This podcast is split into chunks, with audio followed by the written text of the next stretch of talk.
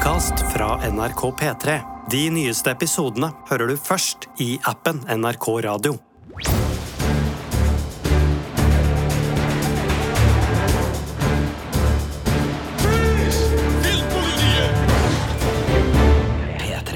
Godt nyttår, kjære deg. Hvis du allerede er i gang med nyttårsforsetter.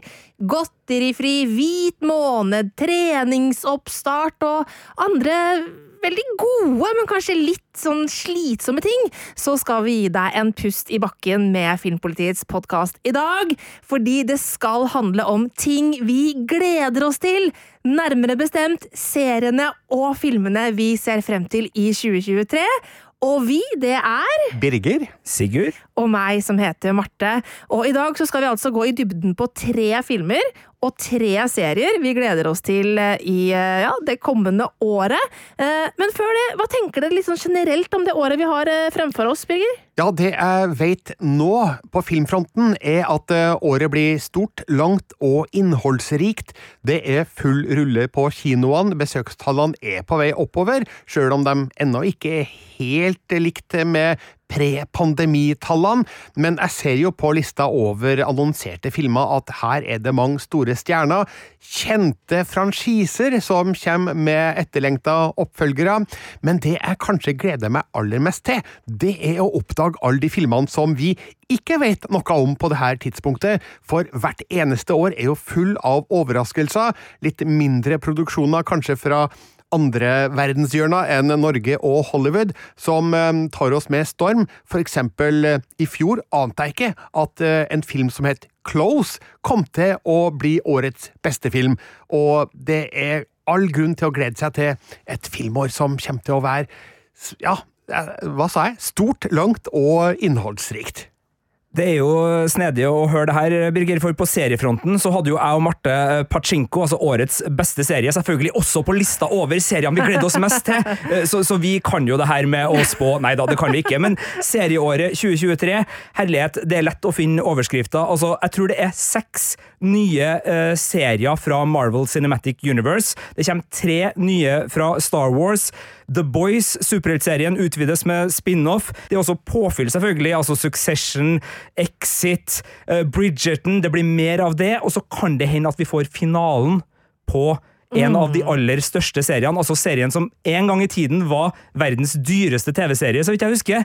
The Crown, eh, sesong seks i 2023, og det skal jo da bli den siste sesongen. Så det er mye forhåpentligvis godt i vente. Vi veit jo ikke om noe som helst av dette her eh, blir bra, men vi håper jo på det.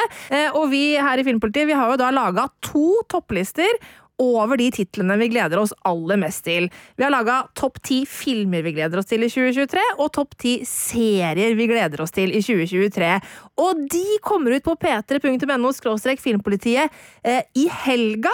Så hvis du hører denne podkasten før lørdag, så får du nå en eksklusiv smakebit eh, på hva vi gleder oss aller mest til.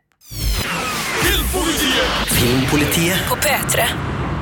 Og vi skal ta titlene vi har valgt ut da, i kronologisk rekkefølge. For vi skal jo ikke ha alle her, og det er ikke sånn topplista ti til én vi går for her nå, men vi har valgt ut noen godbiter eh, hver.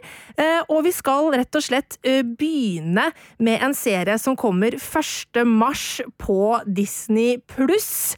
En fyr som alle vi her har et godt forhold til, som det er en liten stund siden vi har sett. Jeg snakker om sesong tre av The Mandalorian. For det er jo over to, to år siden sesong to kom ut.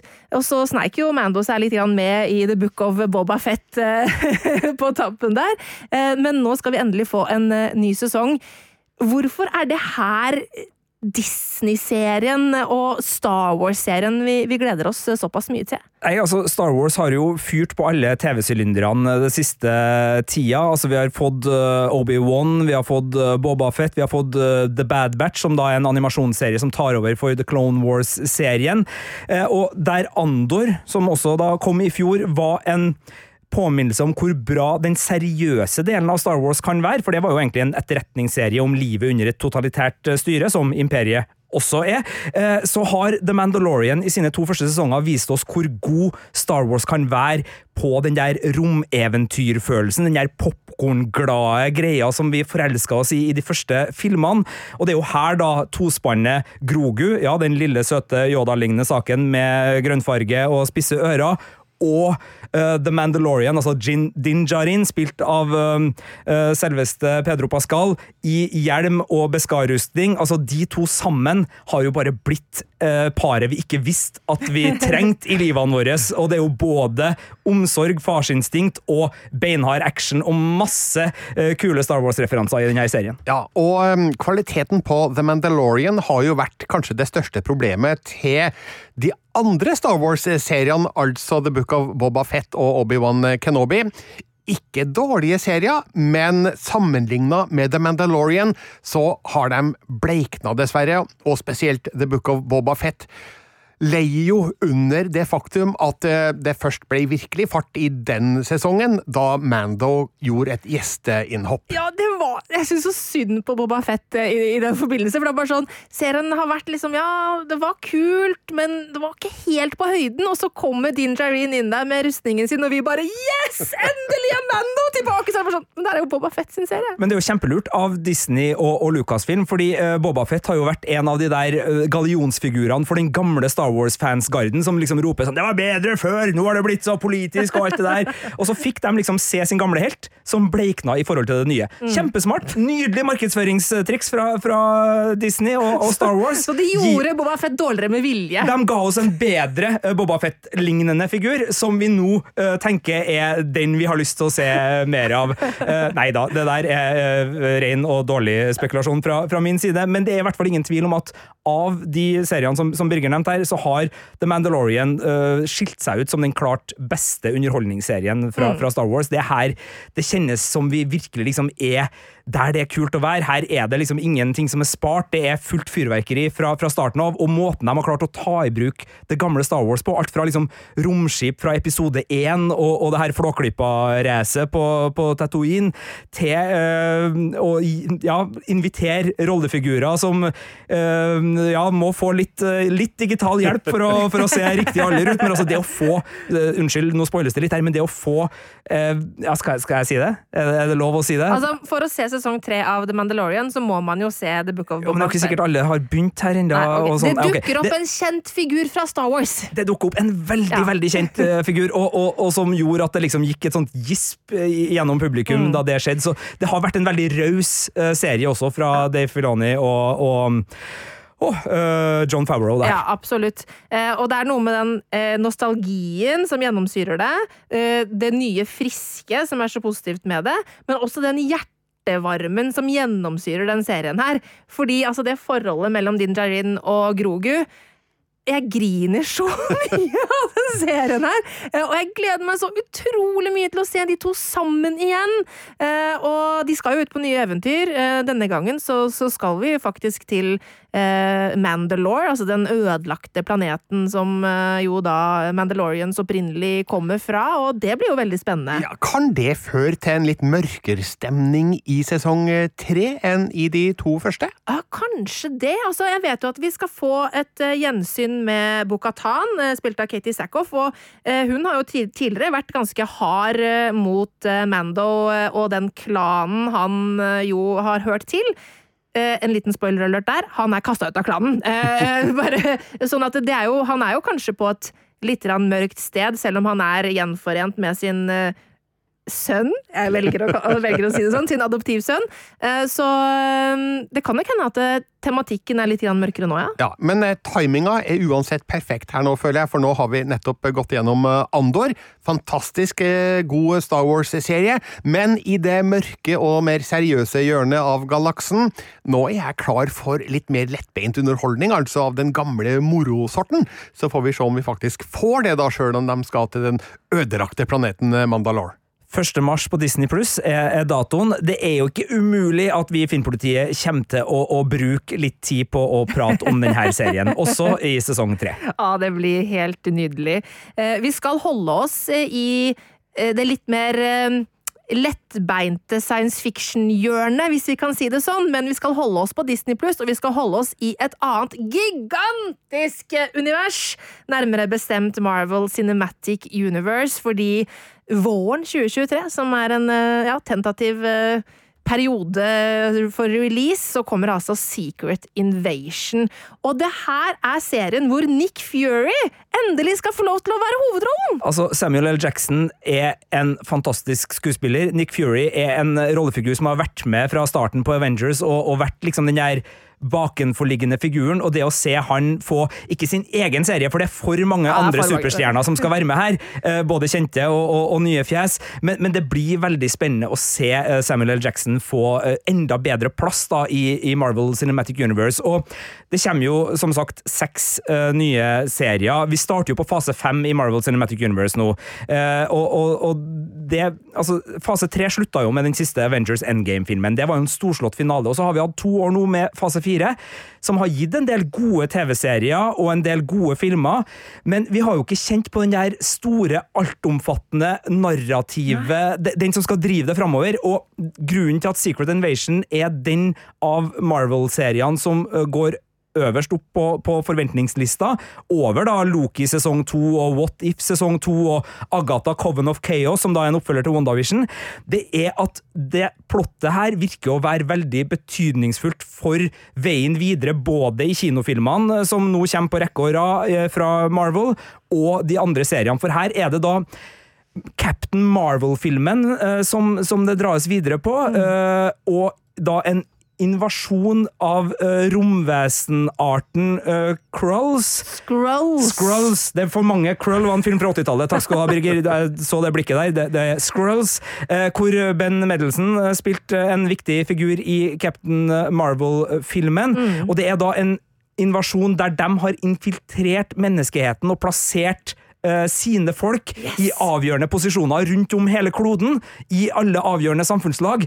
Og det er jo det som da er The Secret Invasion, vil jeg tro. Uh, og det blir i hvert fall veldig spennende å se på hva det har å bety for alle involverte her. Ja, og det som jo er også spennende med dette, er at i Captain Marvel så var det jo Skrulls som var the good guys. Uh, og mens nå så er det altså her en Secret Invasion av Skrull-folk. Hva skjer med dette?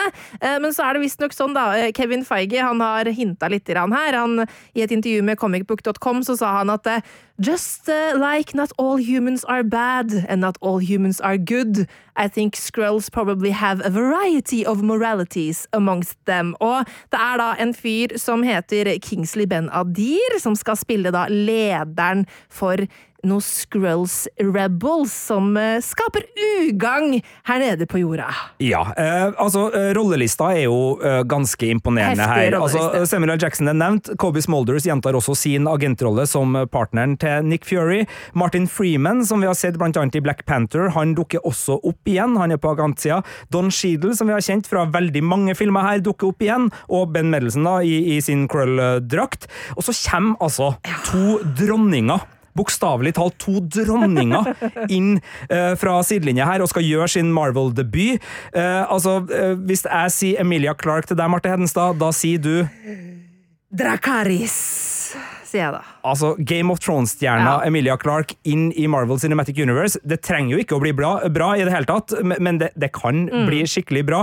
Og hvis jeg sier Olivia, Olivia Colman til deg, Birger? Ja, da sier jeg dronning Elisabeth fra The Crown, først og fremst kjent eh, for den rollen de siste åra, i hvert fall. Og Olivia Colman er jo en klasseskuespiller som har vunnet Oscar, og som aldri har spilt i noe dårlig.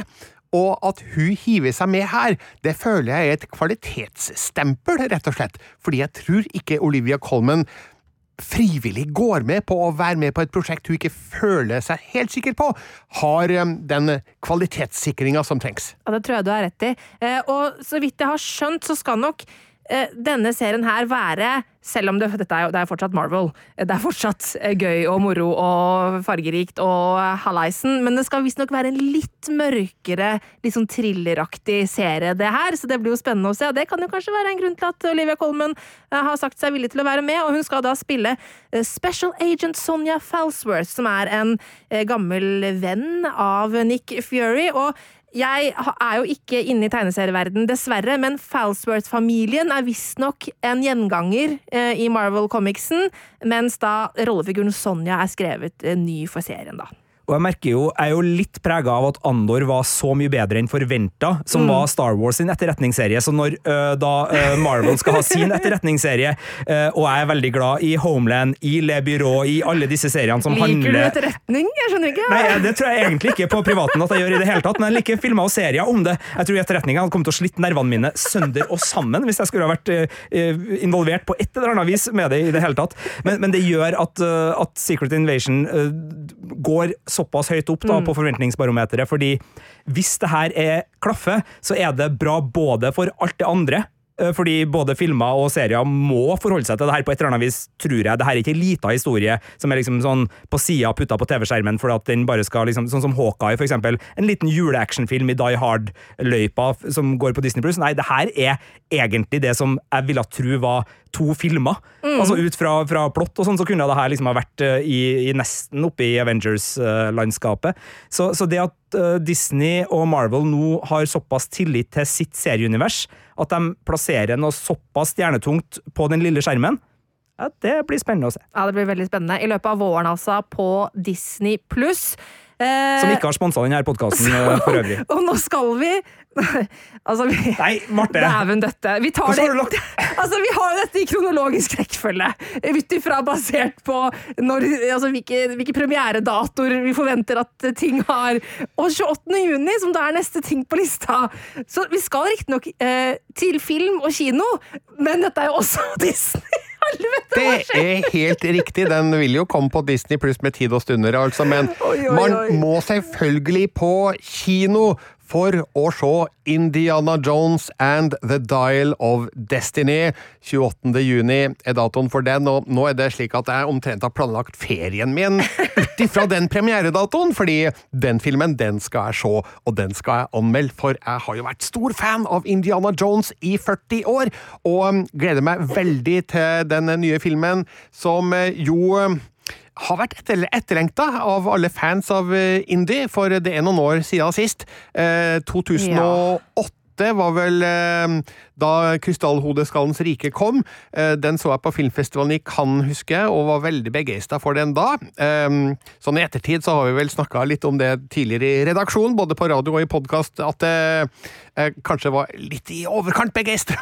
Ja, Hvilket ternekast var det den filmen Ja, den fikk en sekser på terningen. det, ja. Det skulle kanskje hatt eh, fem. Men eh, uansett så har jeg store forhåpninger til The Dial of Destiny. Eh, For det første fordi Harrison får det tilbake. Han er nå 80 Ja. år gammel. For der må jeg bare si, Birger, han er nå 80 år gammel, og Ja. han skal spille actionhelten Indiana Jones igjen. Og da lurer jeg litt på, altså, er det her eh, Er det sånn her Indiana Jones vil, vil høres og ses ut? Hør på det her. Her kommer 80-åringen gående med Kanskje han har fått seg stokk? eh, Klarer han å vippe pisken like kjapt nå som vi kan Altså, Hvordan hvordan, eh, tone er det du setter for 2023 nå, Marte? Ja, men altså, en 80 år gammel actionhelt! Ja. Jeg forstår eh, spørsmålet, jeg gjør det. Men jeg har jo sett den teaseren som er sluppet på, på nett, og eh, det er jo ingenting der som tyder på at eh, det er mindre action i vente enn vi har sett før, og jeg er sikker på at de har greid å klippe seg rundt det faktum at eh, kroppen til Harrison Ford kanskje ikke er like sprek som den var forrige gang. Han var jo en gammel mann da også. Eh, men eh, jeg tror nok at vi kommer til å, å, å merke at det er en eldre Indiana Jones vi møter, og det ser vi jo også i traileren, der han eh, snakker med Sala i starten, spilt av John Rhys eh, Davies, og de, de minnes og de mimres og snakker om gamle dager. Så det er åpenbart at de, de ser seg tilbake her, men eh, samtidig så håper jeg jo på at filmen også eh, har et kontemporært blikk, da, eh, og eh, ikke er bare en eh, mimrefest for gamle, gamle menn. Men tror du dette her blir filmen hvor da Indiana Jones legger hatten og pisken på hylla for godt? Altså, det er en mulighet for det, men nå har jo Harrison Ford nekta å si det beint ut, at dette er den siste filmen, og det har jo vært lekt med tanken om at uh, ny teknologi kan gjøre det mulig å lage flere Indiana Jones-filmer med Harrison Fords uh, utseende. Altså, vi vet jo at man kan lage stemme nå, digitalt, som etterligner veldig godt den originale stemmen til skuespillere som ikke er med oss lenger, så hvem veit, kanskje får vi en ny Indiana Jones-serie, også etter at eh, Harrison Ford har gått bort om eh, forhåpentligvis veldig mange år. Du rynker på nesa, Sigurd. Ja, det, jeg håper virkelig ikke det, det her skjer, eh, men, men, men, Birger har helt rett i det han sier. Men det jeg syns er fascinerende, er jo at det her er jo en uh, film som i, i hvert fall premisset for handlinga tar inn over seg at Indiana Jones ikke er en ung mann mm. lenger. For det her uh, har Riktignok så er det mulig at det blir litt uh, naziskurker også denne gangen, men, men det skal foregå uh, sent på 60-tallet, og det romkappløpet, altså Apollo-prosjektet til USA, som er øh, den tematiske bakgrunnen ja. for denne filmen. Og det syns jeg er kjempespennende, mm. og jeg er veldig nysgjerrig på liksom, hvordan de skal få fletta inn det her. Altså, det er jo en del kule skuespillere med, annet Mats Mikkelsen i en sentral rolle, og jeg, og jeg kjenner at det, det kribler i magen min av forventning når eventyreren, arkeologen, professoren, eh, piskesvingeren, Indiana skal, skal inn i romkappløpet på, på slutten av 60-tallet, ja. Med hippier stående utenfor med Ja, nei, det her blir spennende. Ja, så Nå etablerte jo den forrige filmen at aliens fins ja. uh, i Indiana Jones-universet, så kanskje skal man uh, opp i rommet og besøke noen? Jeg vet ikke. Nazi-aliens! Skriv manuset, Vesmo! Få det på! Herlighet! Ja. Og, nå er jeg positiv til dere uh, digitale Men, Indiana Jones-greia, for denne TV-serien lager vi. Men ut ifra det lille jeg har greid å finne ut om handlinga i uh, The Dial of Destiny, så som du sa, 1969, romkappløp, uh, og i Apollo-programmet der jobber det en uh, tysk eks-nazist, Jürgen Foller, som da er Mats Mikkelsens figur, som kanskje har planer i tillegg til å få en rakett opp i verdensrommet, og det er vel der Indiana Jones kommer inn, da sammen med sin guddatter Helena, spilt av Phoebe Waller-Bridge. Mm. Og det mest spesielle med denne filmen er jo at Steven Spielberg ikke er involvert som regissør. Han har gitt fra seg den jobben til James Mangold, kjent for et par eh, Wolverine-filmer, og også Copland, blant annet. Um, mens manuset er skrevet av Jess Butterworth og John Henry Butterworth, så George Lucas han er heller ikke involvert i en sentral posisjon her, og det er jo uvant i Indiana Jones-sammenheng at de to nøkkelfigurene bare har perifere funksjoner i denne produksjonen. Og det er jo spennende, da, om greier James Mangold og co. å kopiere følelsen, estetikken, stemninga og moroa fra de fire første Indiana Jones-filmene. Det gjenstår å se, men den teaseren som eh, fins på nett, den tyder jo på at eh, de har greid å etterape eh, det visuelle langt på vei, så får vi se om den ferdige filmen også er like god. Og så får vi håpe at de klarer også å fornye det litt og gjøre det friskt, og ikke bare prøve å etterligne gamle storheter. Ja, jeg veit ikke, vil vi ha en fornya Indiana Jones, eller vil vi ha den gode, gamle Indiana Jones? Okay, min uh, prediction for, uh, for uh, den filmen her er at Indy legger hatten på hylla. Nei, han legger den ikke på hylla. Han gir den til uh, sin guddatter. Uh, og så kanskje vi skal få en ny filmserie med Amy Waller-Bridge i hovedrollen. Med Helena Jones? Jeg vet ikke om Jones er etternavnet hennes her, men Jeg vet ikke hva hun heter. Det Det er jo noe annet å glede seg til enn uh, ja. den her Indiana Jones and The Dial of Destiny, som da kommer på kino 28. juni, og da er Birger ikke på ferie. Det er riktig. Jeg er dessverre på ferie eh, når neste film eh, skal ha premiere. Det er du. Ja. 14. juli. Da kommer nemlig Mission Impossible Dead Reckoning Part 1. Det... Hva skal du gjøre da, Birger? Nei, altså, jeg må jo avbryte ferien min da, for å gå på kino. Men altså, ærlig talt, 2022 tilhørte jo Tom Cruise og Top Gun Maverick. Riktignok bare den nest mest sette filmen her i Norge. Den ble slått av um, Spiderman No Way Home, men på verdensbasis så var det ingen som kunne true Top Gun uh, Maverick. Avatar The Way of Water vil nok passere den kanskje i løpet av dette året, men den rakk jo ikke det i, i fjor. Og alt tyder jo på at sommeren 2023 kommer til å tilhøre Tom Cruise igjen, da. Mission Impossible Dead Reckoning Part 1. Vi veit pent lite om hva den skal handle om, men jeg føler at det er egentlig ikke så viktig hva den handler om. For vi vet at han gjør sine egne stunts. This is far and away the most dangerous thing we've ever attempted. We've been working on this for years. We're gonna shoot it in Norway, and it'll be a motorcycle jump off a cliff into a base jump. Altså, altså, jeg må bare si Tom Cruise, for en utrolig pompøs, ofte slibrig, eh, litt sånn slesk type, men så dette er så kul han er på film! Og jeg elsker alle disse stuntsene han begir seg ut på.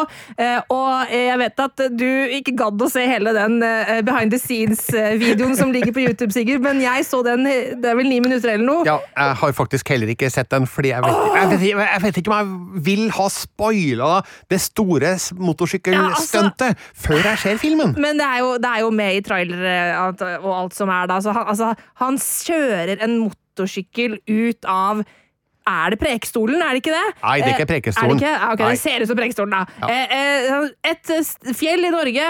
Han kjører motorsykkel ut av et fjell i Norge og bare basehopper eh, fra det. Altså, og det er helt sjukt. Han er helt gæren. Og det er jo det som eh, gjør at Tom Cruise har en så stor appell blant så mange. Eh, det spetakkelet han fører med seg når han lager ny film, og han er jo også ekstremt flink til å promotere det han gjør i hver nye film. Han har selvfølgelig et vanvittig apparat i ryggen som hjelper han med alt det her, men eh, hele den pakka er nærmest uimotståelig for et stort publikum på jakt etter den ultimate sommerunderholdninga, og eh, alt det vi har fått eh, sett og hørt og lest om Mission Impossible Dead Reckoning Part 1 i de siste seks månedene, eh, bygger jo opp til eh, til et punkt der momentumet eh, er så stort at dette bare må bli sommerens store kassasuksess. Virkelig. Og nå kom jeg på Prekestolen var jo i den forrige filmen, ja, og da var vel Prekestolen i Katmandu eller noe sånt. Ja. Eh, vet vi noe som helst om handlingen i denne filmen? Fordi det, jeg vet ingenting. Jeg vet bare at jeg gleder meg til å se Tom Cruise igjen, og til å se action og stunts. Ja, eh, nei, jeg veit heller ikke helt eh, hva handlinga er her, og eh, ikke fått med meg om det har kommet noe uh, resymé på det, uh, så beklager hvis det har det, og jeg har gått, gått glipp av det. Men, men uh, igjen, jeg er ikke så opptatt av hva den handler om, fordi jeg vet at det blir en historie som globetrotter rundt omkring, og med store stunts i alle verdensdeler, og med mm, bang for the buck, så det holder, da. Eh, jeg tenker at eh, regissør Christopher McCorrie har jo bevist med sine eh, tidligere filmer at eh, han eh, vet hva som trekker oss til kinosalen, og han vet hva som underholder oss eh, i det aller største og breieste formatet, og ja, det virker som at han kan gjøre det denne gangen også.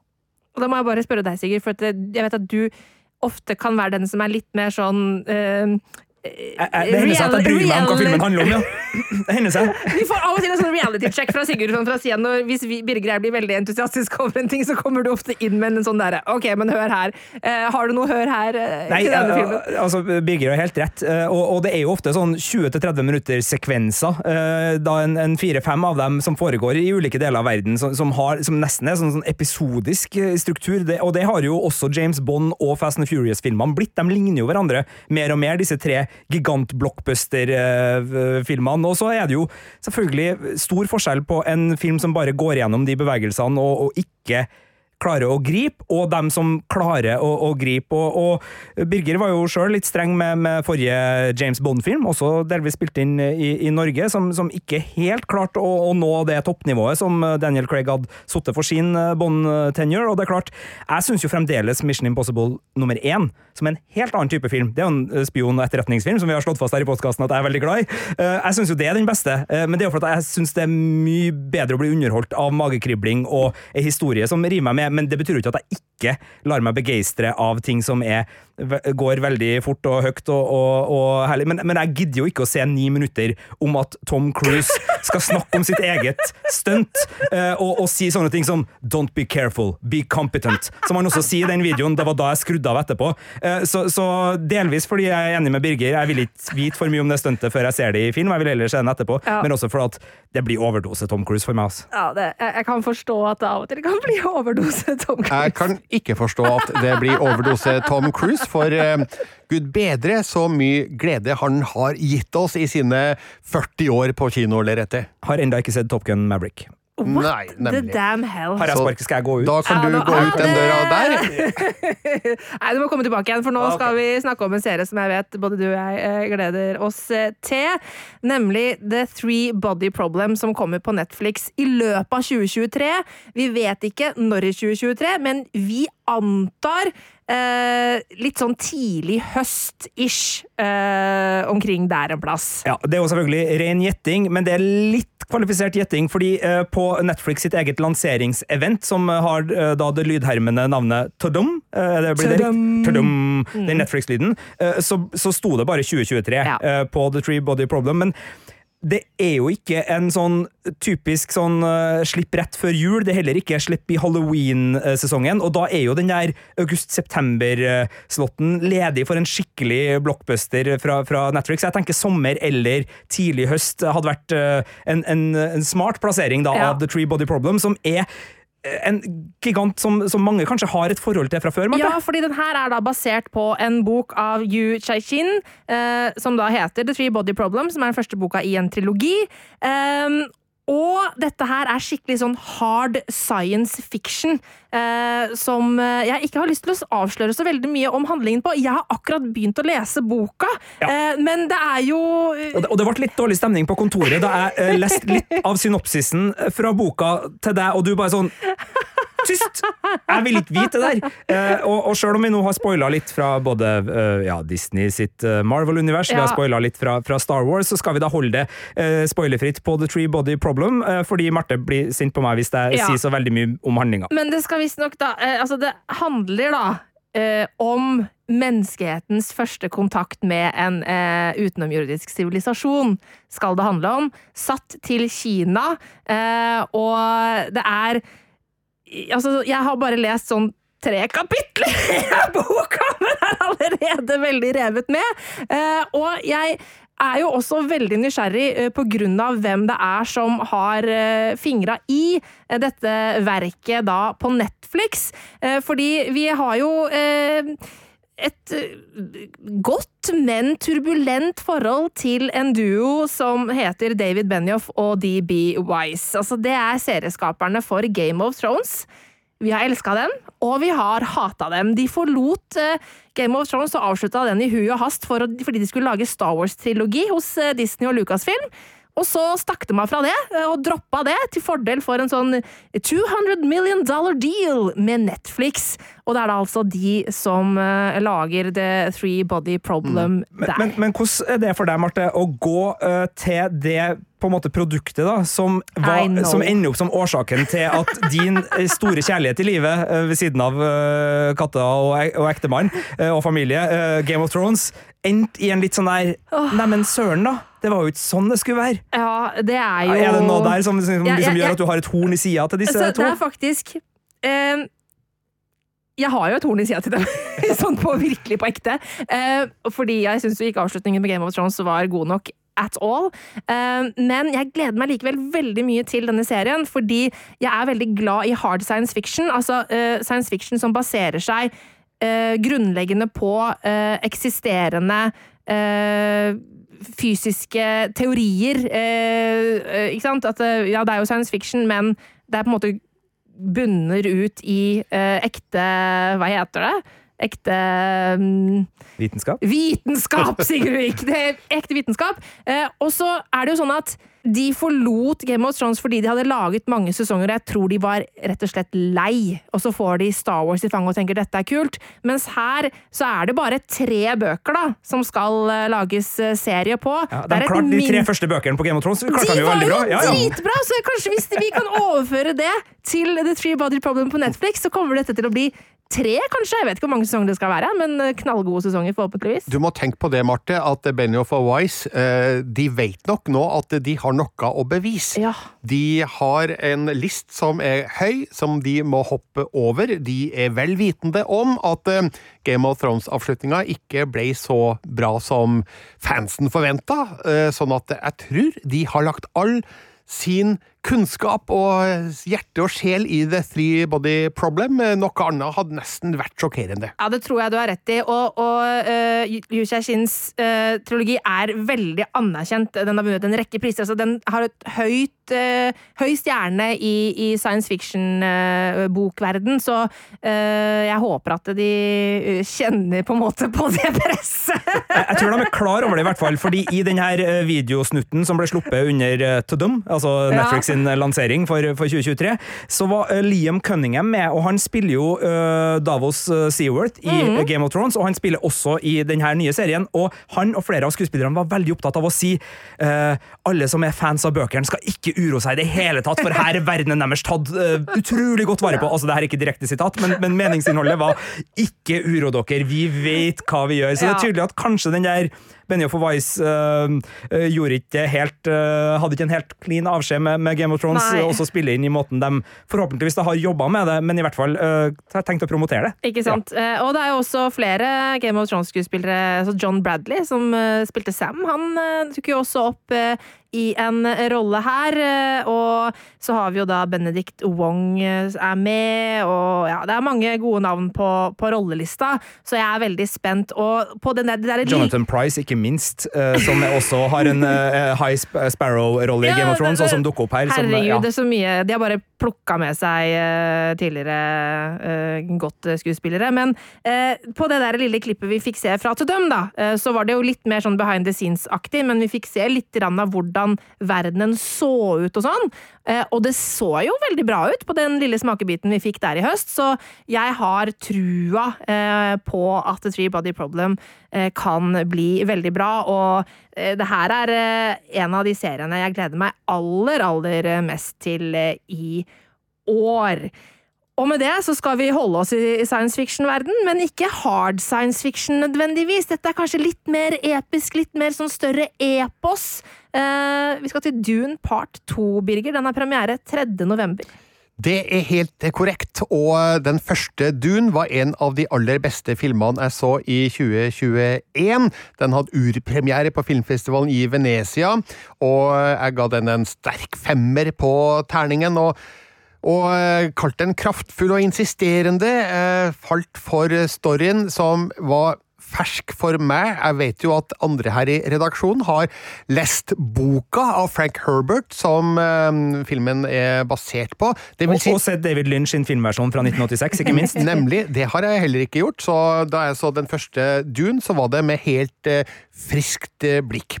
Uh, så jeg falt for storyen, ble sugd inn i handlinga og imponert over den verdensbygginga som eh, regissør Denis Villeneuve eh, presterte. Og når det gjelder Villeneuve, så har jo har han også regien på Dune Part 2, og det er jo det beste kvalitetsstempelet, for han har til gode å lage en dårlig film. Altså, han har til gode å lage en film som ikke er kjempebra. Eh, Naval, Incendies, eh, Prisoners, Sicario, ikke minst Blade Runner 2049 og Arrival.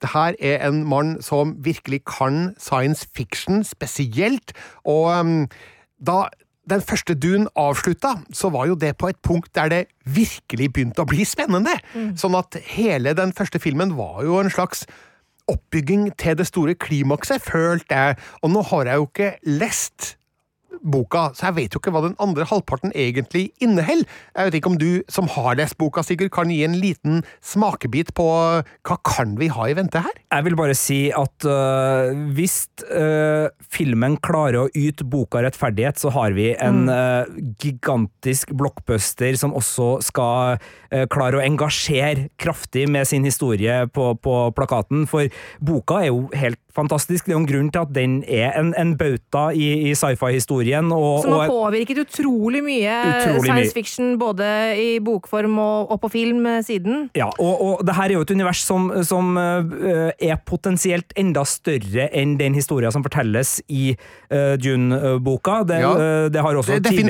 det fins flere bøker. Det finnes flere bøker, men, men det betyr ikke at altså, Der film én lot deg sittende med en følelse av at Men det her er jo ikke ferdig, jeg må få vite mer. Så, så hvis de ønsker, så har de i hvert fall muligheten til å lande det her på en ganske tilfredsstillende plass, og, og ha Dune part 1 og 2 som en, en skikkelig øh, sånn samla verk som de ikke trenger å bygge videre på, men samtidig, her kan de også bygge videre, for det er en verden som er såpass øh, rik. Så, så jeg er veldig spent, da, selv om jeg har lest boka, på hvordan de vil øh, legge opp det her videre, om Denis Villeneuve og, og gjengen bak har liksom intensjoner om at det her skal bli et slags øh, ja, litt mer tungt og alvorlig Star Wars-type univers, da, som skal liksom avle mer, uh, eller om de er øh, har sittet magemålet og tenker at først og fremst så er det viktig at vi gjør det her komplett og fullstendig, og så får vi eventuelt se om det blir Altså, noe mer senere. Jeg tror det du sa sist der, er det Håper som det. Denis Villeneuve har i tankene, ut ifra hvordan type filmskaper han er.